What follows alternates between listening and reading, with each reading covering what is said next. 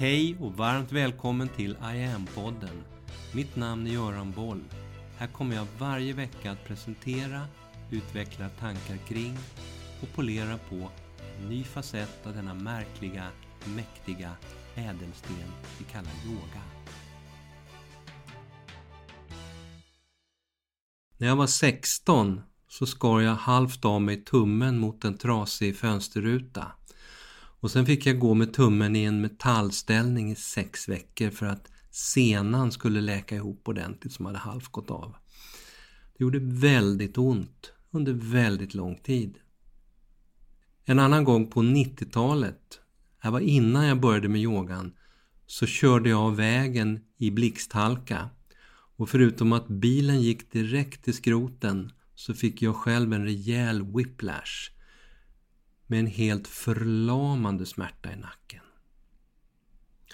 Värk och smärta är inte att leka med. Det kan verkligen definiera hela ens liv och påverka livskvaliteten i grunden. Enligt en undersökning från 2021 gjord av analysföretaget United Minds så lider 6 av 10 svenskar, 6 miljoner människor, av någon form av värk eller smärta i rygg, axlar, nacke, muskler, leder och så vidare.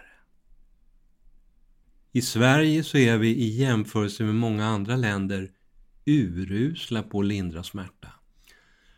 Många förknippar smärta med svaghet.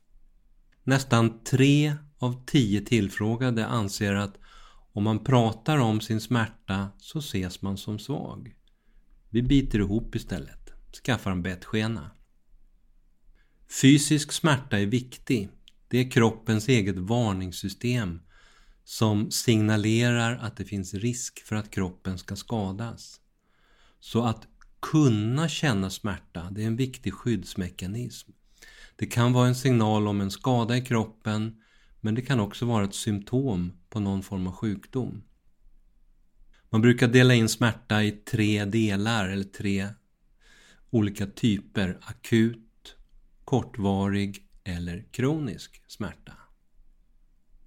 Kronisk, det är smärtan när den återkommer regelbundet under 3 till 6 månader. Och 20 till 25 procent av alla vuxna i Sverige lider av kronisk smärta, där kvinnor och äldre är överrepresenterade. Och problemet växer i takt med att befolkningen blir äldre. 40 procent av alla patienter inom primärvården söker just på grund av någon form av smärta.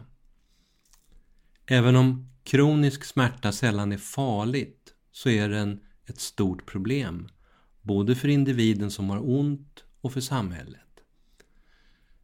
Smärtan kan helt ta över vardagen och leda till lägre livskvalitet där man avstår från det man tycker om, slutar träffa vänner och så vidare. Humöret påverkas och smärtan kan skapa stress, nedstämdhet, ångest, depression och annan psykisk ohälsa som sen i sin tur i en tydligt negativ spiral kan förvärra smärtan ytterligare. Kostnaderna på samhällsnivå för kronisk smärta är gigantiska. Cirka 90 miljarder per år. 8 miljarder är direkta vårdkostnader och ytterligare drygt 80 miljarder är olika indirekta kostnader i form av sjukskrivning, produktionsbortfall med mera. Det förebyggande är jätteviktigt. Kroppen behöver träning, kroppen är gjord för rörelse. Att vara i stillhet på grund av en skada eller smärta försämrar ofta chanserna till läkning. En bra grundträning kan både förebygga och läka. Raska promenader eller ett enkelt yogapass räcker långt vid exempelvis ryggont. Smärta är som jag sa sällan farligt. Stillasittandet däremot, det är farligt. Det är den nya rökningen säger forskarna. Och vi sitter ju så mycket i det moderna livet. Det gäller att ta regelbundna pauser från sittandet. Res dig upp. Rulla lite på axlarna, stretcha nacken, sträck på kroppen, stretcha muskler och leder regelbundet. Ta ett varv runt kontoret eller lägenheten. Se till att röra på dig regelbundet varje dag. Även när du sitter på kvällen och tittar på TV i soffan. Ställ dig upp, om inte annat gå till kylskåpet eller ut i köket och hämta ett äpple och käka på. Rör på dig även på kvällen. Även när du har ont så är det bättre att hålla igång, både fysiskt och socialt. Och om insatser görs i tid så finns det enligt forskningen goda chanser att undvika långvarig smärta och långsiktig sjukfrånvaro. Att göra en prognos på långvarig smärta är jättesvårt. Personens eller patientens eget engagemang ses som helt grundläggande i processen. Att jag ska förvänta mig att någon annan ska fixa min smärta, det ger sällan ett gott resultat. Däremot, när jag ser mig själv som huvudperson i processen, med eget ansvar för behandlingen, där jag tar hjälp av andra, det ger oftare en bättre prognos. Det här poddavsnittet om verk, smärta och yoga, det är ett avsnitt i en liten serie kopplat till den självstudiekurs som jag skapat på temat Yoga och folksjukdomar. Kursen heter Medvetenhet och hälsa. Du hittar den på hemsidan iamyoga.online. Under rubriken Online-träning klickar du på självstudier. De första fem avsnitten ligger öppet för alla och resten av avsnitten ligger öppna för alla abonnenter. Att yoga är bra mot smärta. Det fick jag kvitto på senast i förra veckan när en av mina kvällsklassdeltagare mejlade mig dagen efter det ryggpass som hon medverkat i. Hon skrev Tack för ett jättebra pass igår. Min ländrygg är mycket bättre idag än igår. Det här har också uppmätts i forskningen. Karolinska institutet har gjort två studier på ospecificerad ryggsmärta med mina yogaprogram.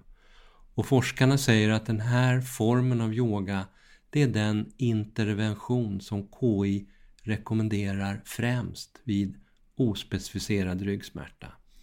Under förutsättning att man utövar yogan minst två gånger i veckan. Och de såg resultat redan inom sex veckor i båda studierna. Internationellt så finns det tusentals publicerade studier på yoga, meditation och mindfulness i relation till smärta i olika sammanhang. Så hur gick det då med min whiplash där på 90-talet? Det här var ju innan yogan. Har jag fortfarande ont? Jag pratade några år efter olyckan med en forskare på KI som just tittade på det här med whiplash. Och hon sa att en viktig nyckel till framgångsrik rehab vid whiplash enligt hennes forskning var att snabbt komma under sakkunnig vård. Vilket åtminstone då på 90-talet tydligen inte var helt lätt. Hon berättade att det då i genomsnitt tog 11 veckor för en whiplash-skada att hitta rätt i vården. Och det akuta hade då redan hunnit ta ett steg in i det kroniska. Det jag gjorde den där februaridagen eller februarikvällen 1992 när jag körde av vägen, det var att direkt efter olyckan ringa till min vän Mats som är naprapat, akupunktör, homeopat och kinesiolog i samma kostym och fråga om han kunde fixa min nacke.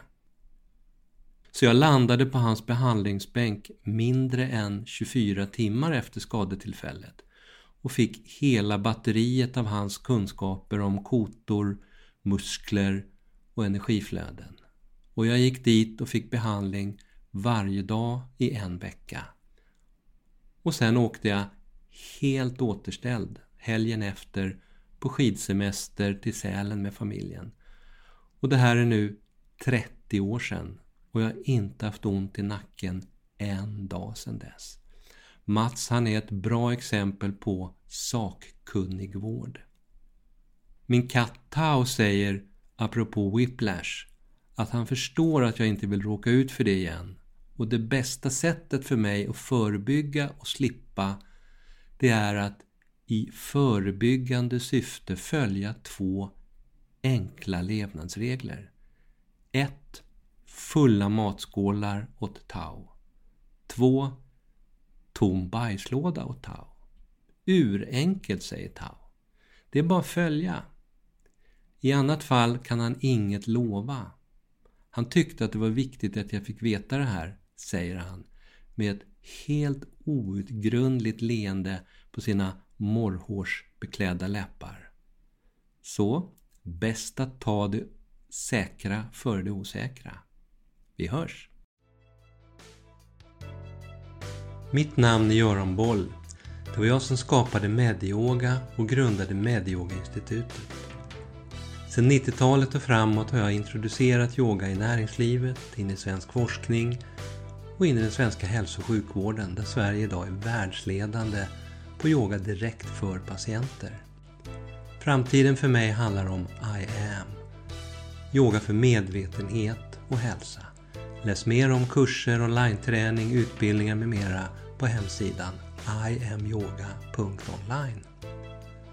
Följ oss gärna på sociala medier och tycker du om de här poddarna så tar jag tacksamt emot om du vill gå in på iTunes, Spotify och där poddar finns och ge mig ett betyg så vi blir fler som hittar in i yogans värld. Tack för att du lyssnar och delar.